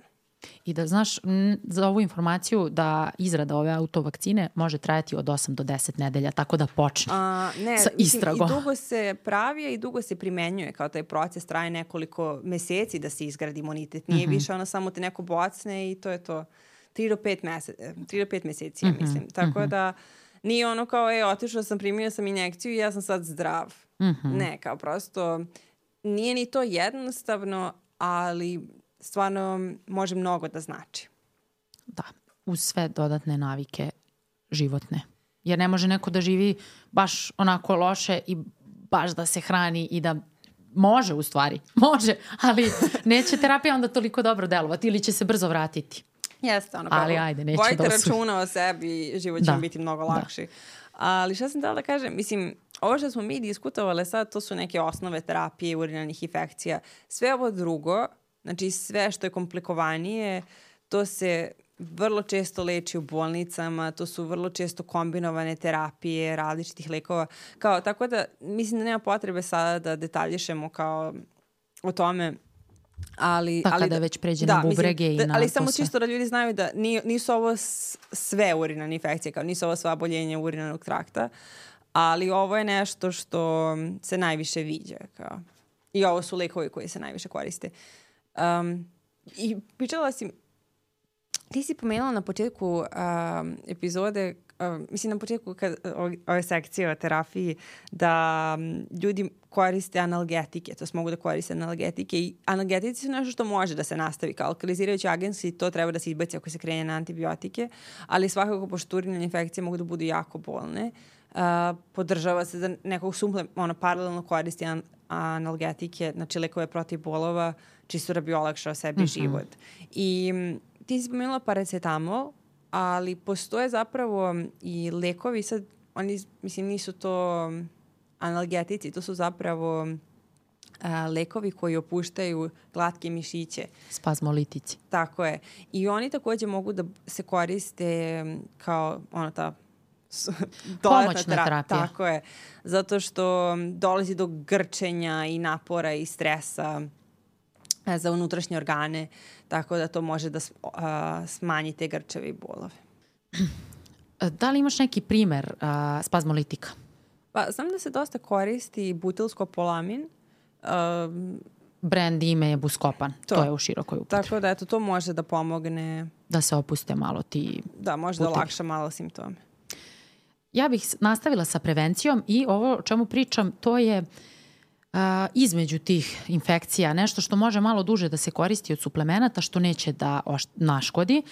A, pomenula, pomenuli smo autovakcinu, to je malo teže doći, ali imamo neke stvari koje a, kada se uđe u apoteku osoba treba da iskomunicira sa farmaceutom i a, u, postoji nešto, meni je to bilo zanimljivo, probiotici da se koriste kod urinarnih infekcija, preventivno se koriste jednom do dva puta nedeljno, nedeljno a, i to sojevi Lactobacillus rhamnosus i Lactobacillus reuteri to svakako neće da naškodi. Ja sam videla da se to dosta marketnički gura, ali nisam našla da zapravo ima dovoljno dokaza da mm -hmm. to mnogo radi posao. Mislim, to što kažeš, neće I da ovo je po smjernicama, ovo je po smjernicama, tako da ja računam da su naši farmaceutska komora odradila posao da, kako treba. Da, ali ja mislim da baš Nadam u nacionalnom se. vodiču, iz kog ja čitam, da su rekli da nije, ne, nije dovoljno nivo dokaza za to. Dogovorite se, drugari. A, Dobro, ali neće da škodi Mislim, da, iskreno. ne- I ima ne- mi i smisla. Zato što su to dobre bakterije. Pa da, poenta je generalno, mislim, sad svakako ako neko primenjuje antibiotsku terapiju treba probiotik zato što antibiotik pobije i dobre loše bakterije. Tako je. Jer ljudsko telo ima puno bakterija u sebi i sve su to vredne bakterije koje radi i održa, održavaju nas funkcionalnim. Tako da u tom smislu želite da ih održavate, ali i ima smisla da se pospešuju ti sojevi um, Dobri. Pa da, ti, Dobro čudni. zato što su to sojevi koji mogu da štite. Mislim, generalno bi mogli da štite da ne dolazi do širenja tih loših sojeva. Ok, ajmo idemo dalje, da vidimo da ćeš i ovo, da, jer super mi je, super mi je što znam, mada po mom mišljenju probiotik je ok, svakako, ne može da Ja naškodi, isto jer svakako fazonu, živimo ali- katastrofu, ali, ali lepo je što... Da, ne želim da kažem nekome obavezno probiotike, Tako je. gurajte, to će sigurno da vam bude bolje, pijte ih svaki dan. Zato što šta je problem? Ako neko koristi probiotik dugo, um, i onda obustavi to, a vaše telo se naviklo Mhm. da eto tri meseca dobije dodatni probiotik i onda ga posle nema, to je opet čok za organizam i onda može dobiti neku infekciju zato što je narušen na Mhm. mikroflora. Tako da nije sad nešto što može da se pije u negled, nedogled i nije ni testirano da se toliko dugo pije Mhm. ili stalno. Tako da oprezi za probiotike. Tako je, možda je bolja probiotska hrana. Da, na primjer, pijte jogurt, eto vrh, Da, mislim. ali za ovo i kažu jedan do dva puta nedeljno, znači ne svaki dan, i to između, mislim, na, što kažeš, prepušteni su ljudi sami Ali sebi. da, to opet, znaš, mislim, ti kažeš nekome, Da, pa on će pijte da nastavi da pije godinu pa dana. Mislim, šta to Da, znači? će piti I ko godinu te prati, mislim, Da. i još, a probiotik nikom nećeš da prijavljuješ. Nije kada Da. ono kažeš lekare, ali pijete neke lekove, ne pijem ništa. A pije 20 Ja volim- suplemenata i probiotika Da, i šta da. ostalo. Kao. U tom slučaju ja volim onako, to je moj savet sebi. Kada god pijem nešto od tih suplemenata, ok, ovde imamo jedan do dva puta nedeljno, ja bih rekla ne duže od tri meseca. Napraviti pauzu. Jedan do dva puta nedeljno nije isto što i svaki dan. Zato što onda posle toga telo ima, i za bilo koji drugi suplement je preporuka uvek da nakon tri meseca treba napraviti pauzu. E sad, ko će to kako da shvati, ja napravim pauzu mesec dana bez ičega, kada sam Mislim, zdrava. Ono što je problem što s druge strane kad koristiš suplementaciju ili bilo šta dodatno, kao tebi treba opet neko vrijeme da vidiš da li ima boljitka. Tako, Tako da, je. mislim, I ne treba sad- sve odjednom. Da, tako da u tom smislu ti tek za tri meseca i vidiš neku razliku, ali opet eh, ništa to nije testirano da se primenjuje dugo. I kao sve su to neke bezazlene stvari, ali sve što unesete u vaš organizam ima efekat na vaš organizam i vaše telo se navikava ako nešto unosite kontinuirano. Mhm. I onda ako vi naglo to presečete, kao ok da neko pije probiotike, eto, mesec dana, dva meseca, tri meseca, i onda postepeno obustavlja. Znači, ono smanjuje dozu ili svaki drugi dan, pa da nije ono da ga je preseko, jer Da, i doći će i do nadimanja i do ko zna kakvih problema sa pa stomakom. mislim, ajde to već kao doći do bolesti, da, mislim. da. I da, ono, ljudi, to je sad popularno, vidim na Instagramu, kao vidite šta pijemo od suplemenata, ono slikaju kao i probiotik. Ja kao, od kada je to postao suplement? Mislim, u tom smislu da piješ svaki dan, a da nemaš potrebu za tim. Zar nije bolje popiti dve do tri čaše jogurta dnevno, jednu u krajnjem slučaju? Kefir. Mislim, to, ja se slažem kao ono jednom nedeljno da popijete čašu jogurta, da, mislim, je, bolje evo što ništa. kažu, jednom do dva puta nedeljno. Kao to je porcija, jednom do dva to puta nedeljno kefira. kimči, jel tako, to da, stalno pominješ. kimči Mislim, supa, da. To je, i postoji veganska opcija, ali... Da. Ali dobro, idemo na sledeći suplement koji Ajmo. je prema farmaceutskoj zdravstvenoj zaštiti i koji je u širokoj upotrebi demanoza. To je prost, uh, to je uh, šećer koji uh, mehanizam je tako da s, mehanizam ovog suplementa radi tako da se u stvari Escherichia coli zakači za ovaj šećer i onda kao da izađe iz organizma mnogo lakše. To je mehanizam demanoze. Jednostavno, ako imaš dopuni me. Ne želim da Uh, ja isto mislim da je to. Mislim, ono što je generalno poenta demanoze, to je koja je vizija iza e, demanoze je da, znači, pošto je šerihija, ona ima te pipke kojima se kači za zidove urinarnog trakta i tako se ona širi. Znači, nije ona da postoji samo u tečnosti da, negde lebdi, već ona se zapravo kači i tako se širi.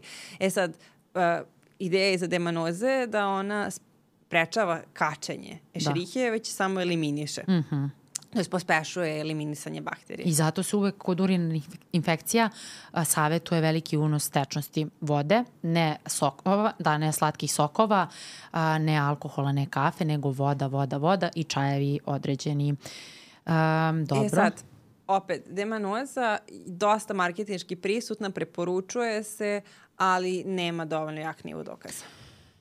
Uh, moje smernice kažu primjena 2 grama dnevno pokazala se boljom od placeba i podjednako efektivna kao 50 mg nitrofurantoina u profilaksiji rekurentne, uh, rekurentnog cistitisa. Naš nacionalni vodič kaže slav divo dokaza. Da, mislim stvarno dogovorite mislim, se. Mislim, ako, ako ja mogu da takođe da kažem, ja sam pila da dosta dugo, ništa mi posebno nije uradilo i dalje sam imala onu infekciju. Da, tako da. ja, da, dobro. mislim, ali s druge strane, uh, ja stvarno podržavam da svako proba, pa to na mesec dana, dva meseca, mislim, s druge strane, svi ovi suplementi su dosta skupi. Da. Ali ako neko želi da priušti ili proba ili oče i niko ne može da nađe ni jednog lekara da se bavi njime i kao i probao bi bilo što što može da im olakša, kao, mislim, sigurno ovo nije totalna izmišljotina. Kao sam sigurno da postoje postoji rezultati kod neko. Kod, da. Znaš, nekim ljudima su verovatno oni pomogli su. Ali da li će da garantuje? Neće da garantuje. Tako je, zato da. se koristi kao prevencija, ali da, vidiš ovde je baš ozbiljna ovaj, da. Američka brusnica, to je isto jako skup suplement, ali kažu da pomaže. Preporučena dnevna doza minimum 36 mg. Da, druga stvar, demanoza primjena 2 grama dnevno. Znači, ne znam, da ne bude kao neko primjeni pola kašičice, nešto tamo smuti, to je to. Mora da se to primenjuje jeste. onako kako piše, da bi imalo efekta. Ja verujem, mislim, postoji dosta studija, ali dobro, nastavit će se ova epizoda. Američka brusnica, uh, ok, uh, preporučena dnevna doza minimum 36 mg pro, proantocijanidina A. E, to su sad studije u toku i to mi je bilo zanimljivo zato što kažu i da sok od brusnice ima, a, da to jeste brusnica, da sok od brusnice ima ove proantocijanidine, međutim a, treba to još dokazivati i treba još veći nivo dokaza, ali su na dobrom putu. Ja se slažem. Ono što mi se sviđa, rekla si um, američka brusnica, ono, severna mm -hmm. američka brusnica, bitno je da se naglasi da nije svaka brusnica, mislim ima ono ideja kao da jeste, ali do sada ono što naučno je potvrđeno da Ameri, taj soj, Ameri, soj brusnice, odnosno američka brusnica najefikasnija. Mm -hmm. I Ali, znaš, s druge strane, ljudi, ono što sam vidjela, kao preporuči se da neko uzme ono brusnicu iz zdrave hrane. To da, je ona da, da. šećerena, da, slatka da. brusnica. Mislim, neće ne ti deluje, da. pomoći. Da. Mislim, samo unosiš puno šećera koji zapravo... Zakišeljava urin i pravi Tako ili sladak sok od brusnice. Mislim, koje ekonomiji. Da. Ali sad bih pomenula ovde, vratila bi samo kako moram opet da se vratim na Ešerihiju jer je ona uzročnik svih ovih problema. Ona to kad se zakači, šta ona radi? Ona uzima od našeg tela neke metale, odnosno gvožđe i tako se kači, a, produkuje neke toksine, a, zove se, samo da vidim kako se zove, zaboravila sam, enterobaktin mm -hmm. proizvodi i uspeva da izbegava imunni odgovor domaćina. E sad, šta je fora sa ovom američkom brusnicom, sa ovim proantocianidinom? On a, u stvari sprečava bakteriju da se zakači za to gvošće. To. I onda na taj način a, onemogućava vezivanje. I a, da, sok od brusnice, od ove prave američke brusnice, kao bi pomagao, ali mora prvo digestivni sistem čoveka da bude dobar, da bi mogao da ostvari ovaj proantocijanidini da bi mogli da ostvare svoj efekat. Znači, ne može neko da živi ekstremno nezdravo i da uzme suplement i kaže, e, ovo meni ne pomaže. A što? Zato što uh, potreban je kao a, zdrav mikrobiom organizma da bi preveo te, um, da bi se taj proantocijanidin pretvorio u dalje svoje metabolite. Jer ako ne, onda će samo da se izbaci. Svaki dan lekcija. Pa da, ali kao, znaš, i to je meni, meni se dopada, znači potrebna je racionalna suplementacija. Ne možeš da piješ sad ja kafu, ajde da ne pominjemo uvijek alkohol. Ako imaš urinarnu infekciju i popiješ 3-4 kafe dnevno, prvo, organizam ti je dehidriran, neće ti pomoći ništa, neće ti onaj antibiotik pomoći. Tako da s te strane želela bih Kao, Dobro, ne nije, želim... pomoći će antibiotik, Dobro, da, realno, ali- ali možda i neće. Ali, ali generalno otežava, otežava oporavak. Tako je, otežava. S druge strane, ako popiješ kafu i odmah antibiotik, znamo da postoji ozbiljna interakcija. Hoću da kažem, postoje neke navike na koje u tom periodu, 10 dana, možemo da se suzdržimo, ne u smislu nemoj da izlaziš iz kuće ili ne, ali uzmi popije ove neke čajeve, uživaj malo, odmori se. Mislim, dobro, ja sad pričam, Ne, znam, u idealnom izvini, svetu, mislim, da. Saškalend je uvek jak. Da, ali ne, kao, zašto bi pio kafu kad te već toliko boli i ti na to praviš još mnogo veći problem sebi? A zato što mi je jako lepo da pijem kafu, to mi je jedini užitak u toku dana. Okej. Ili, ili znaš, ljudi, mislim, ne kažem ja, ali Da. kao generalno, šta, koji je narativ iza toga? Ili kao, a šta, mislim, ljudima ne pada na pamet da kafa može da interaguje ili da ometa, zato što kafa je nešto što piju svaki dan. Kafa je sigurno dobra. Ali kafa ja- mi ulepšava život. Ja ne Sve mogu da ustanem bez kafe. Sve je to u Znaš. redu, ali razdvojiti primenu. S druge strane, ako već hoćete da kupujete ove skupe suplemente, morate da vodite računa i onim navikama, ne farmakološkim merama. Jer u suprotnom, ok, nema dovoljan nivo dokaza. Kod nekih ljudi pomaže, kod nekih ne. Meni jeste cilj ovde da mi ja najviše volim te nefarmakološke mere. To ne košta ništa, ali ono što je u praksi, Jeste. ljudi to ne slušaju. I ljude to smara. I kao, moramo da nađemo neki zajednički jezik i to upravo i radimo. A, završila, nisam još završila sa američkom brusnicom, samo hoću da kažem da, ok, rekla sam preporučenu dnevnu dozu, ne smeju osobe koje su alergične na ovu vrstu ili koje su alergične na aspirin, odnosno acetilsalicilnu kiselinu i napomena. Kod pacijenata koji su na terapiji varfarinom, odnosno lekom koji razređuje krv, narodski, rečeno, ne treba da se koristi ne treba da se koristi, postoje druge opcije. Drugo, pacijenti sa reumatoidnim artritisom ili oštećenjem fu- funkcije jetre ograničiti i izbegavati upotrebu ovih proizvoda, uključujući sok od brusnice. I ono što je popularno jeste ulje origana u prevenciji. Ulje origana je dobar Ja, antiseptik. da. Ne, dobar je on antiseptik. I znamo šta radi antiseptik, ubija bakterije. I to je okej da kažem, a, postoji u ulju origana, postoji karvakrol koji će da deluje kao antiseptik. Međutim, ne treba da se koristi duže od 10 dana. Um, koristi se kako? Ne možeš da popiješ ne znam koliko kapi zato što će ti oštetiti organizam. Jedna do tri kapi se rastvori u jestivom ulju, u kašičici jestivog ulja i koristi se pola sata posle obroka da ne bi iziritirao sluzokožu želuca. I ja mislim da on ima jak potencijal, međutim ne ono kao marketinški, nego da stvarno može da pomogne, ali u prevenciji, ne u lečenju. Ja takođe mislim da ulje, ori, ulje origane, to je nešto što čuješ, znači ništa mi nije pomagalo u životu i onda sam našla ulje origane. marketinške ne, strane. Ali, gen- ne marketinške strane, to stvarno ljudi. Mislim, ja kome god da sam rekla, ja mu, mučim muku s urenim infekcijama, ulje origana. I ja sam kao stvarno probala, ali ono što je, na primjer, ja sam to probala pre par godina i ja uopšte nisam mogla da ukapiram kako se to primenjuje i koliko dugo. I znaš, nije stvarno, mislim, gde ti da nađeš smernice za primjenu ulja origana, mislim. Ja sam istraživala razne neke te a, i, i preporuke i to i neka preporuka, pošto ljudi će ga koristiti. To je sigurno. Hajde onda da im kažemo kako da koriste. Znači, jedna do tri kapi rastvoriti u kašičici jestivog ulja i to neka bude maslinovo, kokosovo ili ulje koštica grožđa, da ne bi bilo neko ono suncokretovo ulje, pojedeš kašičicu, to je loše mislim u tom kontekstu i pola sata posle obroka baš da ne bi oštetilo sluzokožu želuca jer svakako će ga piti i svakako ga piju na tone, a pritom ima i u kapsulama. Ti si rekla ne duže od 10 dana. E sad, šta to znači? Jel onda neko napravi pauzu 10 dana pa ponovo ili, Da, treba da ili jednom pauzu. godišnje ili ne, kako? e, treba napravi pauzu 2-3 meseca i da koristi posle ili tokom urinarne infekcije 10 dana te inicijalne i nek napravi pauzu i nek malo oladi sa svim tim suplementima. Jer mislim, na primjer, to ljudima nije jasno navikli su, na primjer, suplemente se koriste dugo u kontinuitetu, znaš, kao i onda nastavljaju da koriste dugo to. Da, što može nastati veliki problem. Ali ja bih još rekla uh, da može ulje origana, može nastup, stupiti u interakciji sa nekim drugim lekovima. Isto, lekovi koji razređuju krv, sa tim lekovima svi, sve stupa u interakciju. da, tako da ti ljudi... ako nemojte da rizikujete, Da, uopšte nije vredno. ili se posavetujte se sa svojim lekarom i farmaceutom. Lekovi za diabetes zato što i ulje origana i lekovi za diabetes spuštaju, snižavaju nivo šećera u krvi pa može doći do naglog snižavanja šećera u krvi i a, takođe ulje origana a, smanjuje apsorpciju raznih suplemenata, um, onih vitamina, minerala, tako da razdvojiti i primenu sa suplementima i zato kažem ograničiti upotrebu na 10 dana, napraviti ogromnu pauzu i nema potrebe da svaki dan pijete ulje origana zato što će vam pobiti, on je antiseptik, pobiti će i dobre i loše bakterije, tako da napravit će haos ako se ne koristi kako treba.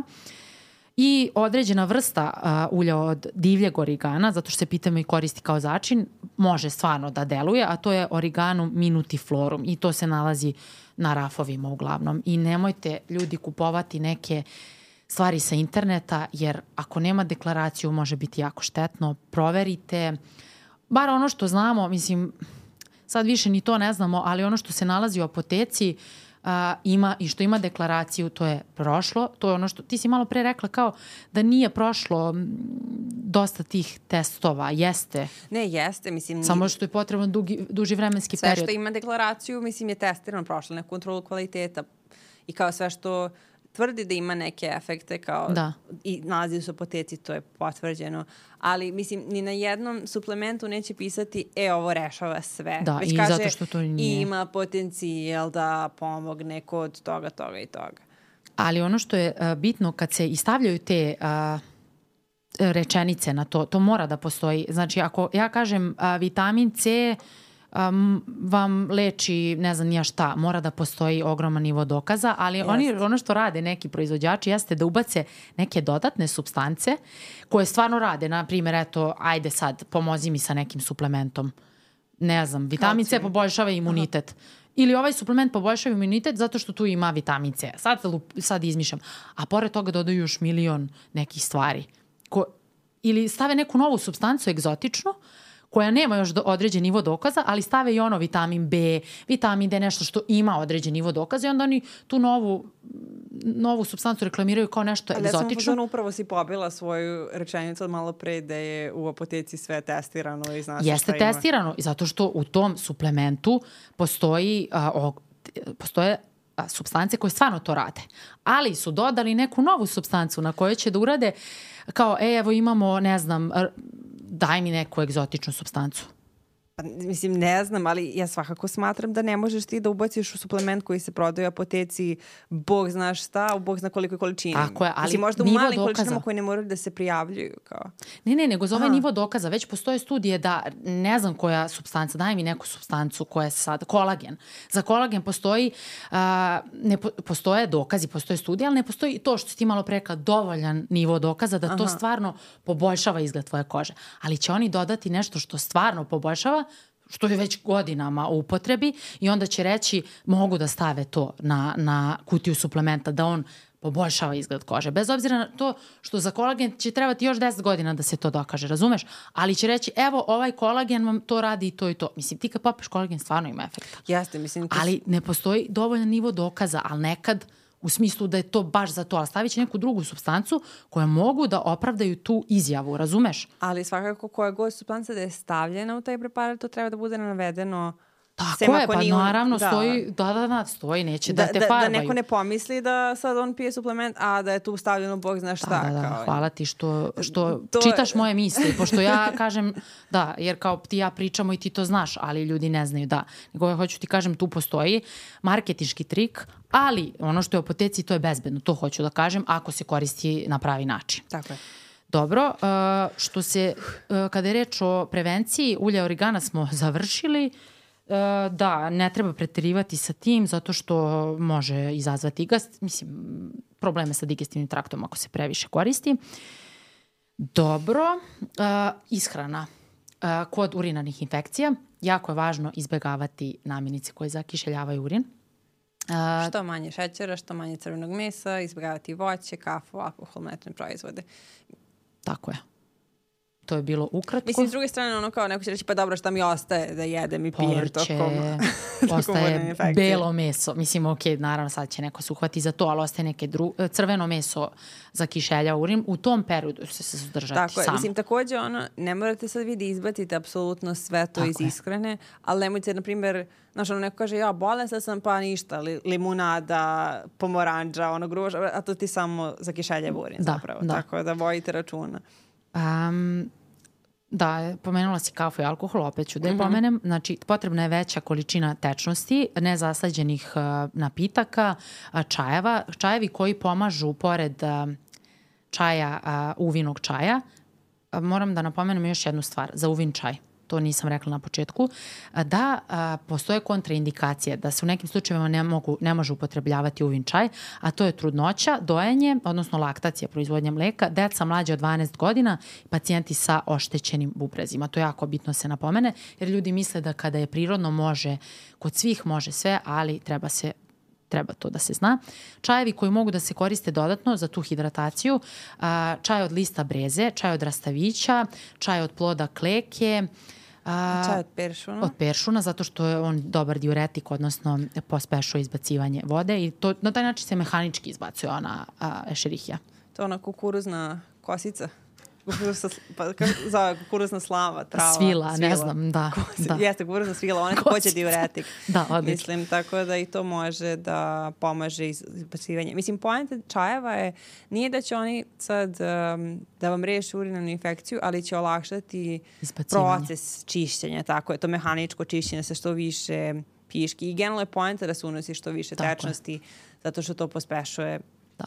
Ali to u to u praksi baš viđam često, da se koriste prvo suplementi i sve i onda kao, da li piješ dovoljno čaja? Ne, baš sam zaboravila, pod stresom sam danas na poslu, popila sam tri kafe i onda moraš polako, pošto ja imam vremena i volje, ja to lepo pričam sa ljudima koje poznajem i koje želim da pomognem. To je jako bitno, jer bez tog koraka dosta toga će da bude otežano. Jeste. Mislim, zato što kada se desi urinna infekcija, pokajaće se za sve. Kao mislim, ja stvarno imam taj ciklus pokajanja, znaš, ono, prolazi mi svaka čaša vode koju nisam popila, mogla sam kroz glavu. Pa da, i nekako, dok rade ljudi, često zaboravljaju, često odlažu, naročito, ok, ima ljudi koji jadni ne mogu da, da odu do WC, ali imaš ljude, sediš za kompjuterom ceo dan, idi bre do WC-a, neće taj posao da pobegne nigde, mislim, pogotovo u tom smislu, a mnogo ljudi odlaže i eto, idemo sad na savete. A, savetovanje kako olakšati život tokom urinarnih infekcija. Nefarmakološke mere, možemo da počnemo sa ovim baš ne odlagati uriniranje. Tako je. Znači, ako I kad imate ide... i kad nemate infekciju. Tako je. I praznite bešiku što više možete. Ono, ko će da može još par kapi da se istisne, ono sačekajte još dve sekunde kao da je ispraznite. Um, ja bih takođe dodala da ono što je najbitnije, mislim, za sve, to je puno odmora i sna. Kao... Savet za sve. Apsolutno. Onda... Da li ga ti primenjuješ? Kada imaš? Pa trudim se. Mislim, ono, nekad, nekad ne uspem, nekad uspem, ali... Ali mislim, to nije samo za urinne infekcije, kao to, to je za, za kvalitet života. Kao, mislim, ako sam ne ispavana, ja nisam pa, sto čoveka. Pa, san je jedna od najvažnijih da. funkcija životnih, da. Onda, znači, piti dovoljno tečnosti i to ono bar, li, bar dvije litre dnevno. Kao, Kroz nezaslađene sokove. I, ili čajeve da. ili vodu. To, supe. Vodu pre svega, da. Ali htjela sam kažem, mogu sokojela nezaslađeni. Onda kada idete u WC, brišite se od napred ka nazad. Zvuči jako glupo, ali radi posao. Um, kada imate seksualni odnos, mokrenje što pre moguće. To da, je od... to stvarno, ono, znam da dosta ljudi pomaže, kao meni isto Da, i po smjernicama savjetovanje je abstinencija ili smanjenje učestalosti seksualnih odnosa. Pa mislim, to, to bi stvarno rešilo problem, da. ali kao jebi Postoji i život sa druge mislim, strane. Da, da, postoji nekoga voliš. Kao, da, da. postoji kao lepo je. Da. Um, lična a, higijena pre i posle seksualnog odnosa i uvek lična higijena. Bez, uh, uh -huh. Dodala bih tuširanje pre nego kupanje, onda se napuni kada, uh -huh. već mhm. kao tuš je bolji jer je manje šanse da se zapate ono bakterije i šta god. Izbegavati spermicide i kondome sa spermicidima jer menjaju vaginalnu floru. Ok. Pamučni donji veš pre nego sintetički. Da, Tako da to ono, je jako važna stavka. To, jako. seksi lanžere, ne, brate. Mislim, ono, ima lepi gađice i pamučnih, Tako ali, je, i... ali ono, pa, one babske pamučne gađe, top, brate. Da, i okej, okay, nositi te, kao, što kažeš, seksi donji veš, ali ono ne moramo, to nam nekako i kultura ova nova nameće moderna, kao biti seksi non stop, daj bre, pusti me malo da uživam u svom životu.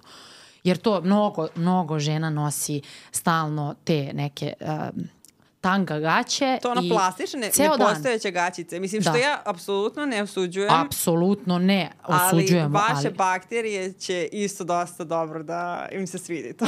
Da, i, baš, i tu je kandida i dosta tih a, vaginalnih problema, tako da u tom slučaju ok je nositi seksi donji veš, ima tako dobrog, lepog seksi donjeg veša, ali pamet u glavu i neka treba nositi obične pamučne gaće.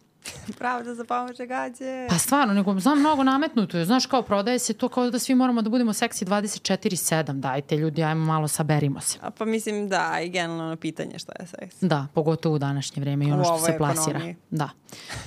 Um, mada, evo sad, izvinjavam se, ali samo jedna digresija. Moja jedna drugarica pravi predivan donji veš. I kao Videla za sam. te stvari, znaš kao, ok, imati, ali neću nositi to 24-7. To je poenta bila. Ne odlagati uriniranje, brisati, ok, ovo si sve rekla. Dobro, to je to. Izbe, izbegavati preuske pantalone, da. to što to ne valja, to se ono stisne, iritira. Um, I kao glupi saveti, ali jako su dobri. I, Da. I olakšavaju ti život. a, I ovo si ti rekla pre a, za pranje te genitalne regije, da se izbegavaju sredstva koje su agresivne ili sa jakim mirisom. To znači čak i iritira. kupka za telo može da bude agresivna. Iako za telo nije agresivna, za taj deo jeste. I uh, on, to nas nisu učili nigde i ono kao, to treba učiti devojčice od malena. Tako je. I često se preporučuje samo voda kada nema nikakvih problema. A, ili ako se preporučuje ta neka kupka, to treba da bude baš za intimnu regiju. Takođe, mislim, bar danas ono postoji kozmetike za sve, tako da postoji generalno kupke koje su samo Da. za to, ali ako mo, ono, tražite rešenje koje možete ono cijelo telo da operete, tražite nešto manje agresivno, Da. sa ni, da nije ono prejak miris i... Da, i ne onoga što ljudi misle bebeće one stvari da su dobre za odrasle, nisu, zato što imamo različit pH kože i to je to u suštini od ovih saveta da li bi dodala nešto iz prakse, iz ličnog iskustva.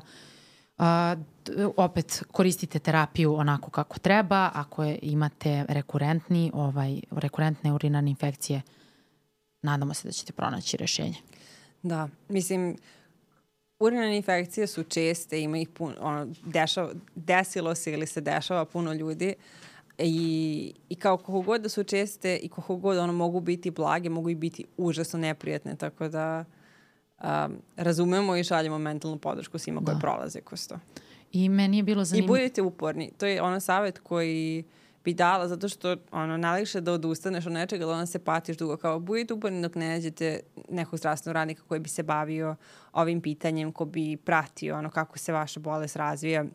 Budite uporni, ono, informišite se koliko god možete i pratikujte sve ove glupe savete, koliko god da vas smara da pijete vode svaki dan Da. toliko i smara vas da ono, kako da se oblačite i kada idete u WC i ono, koliko, koliko vas smara što ono, ako idete na duže putovanje morate da stajete na svakoj drugoj pumpi da biste otišli u WC. Kao, sve što uradite će vam značiti, jer ako krenete i ciklus pokojanja kada se javi urinarna infekcija, bit će vam žao što niste uradili.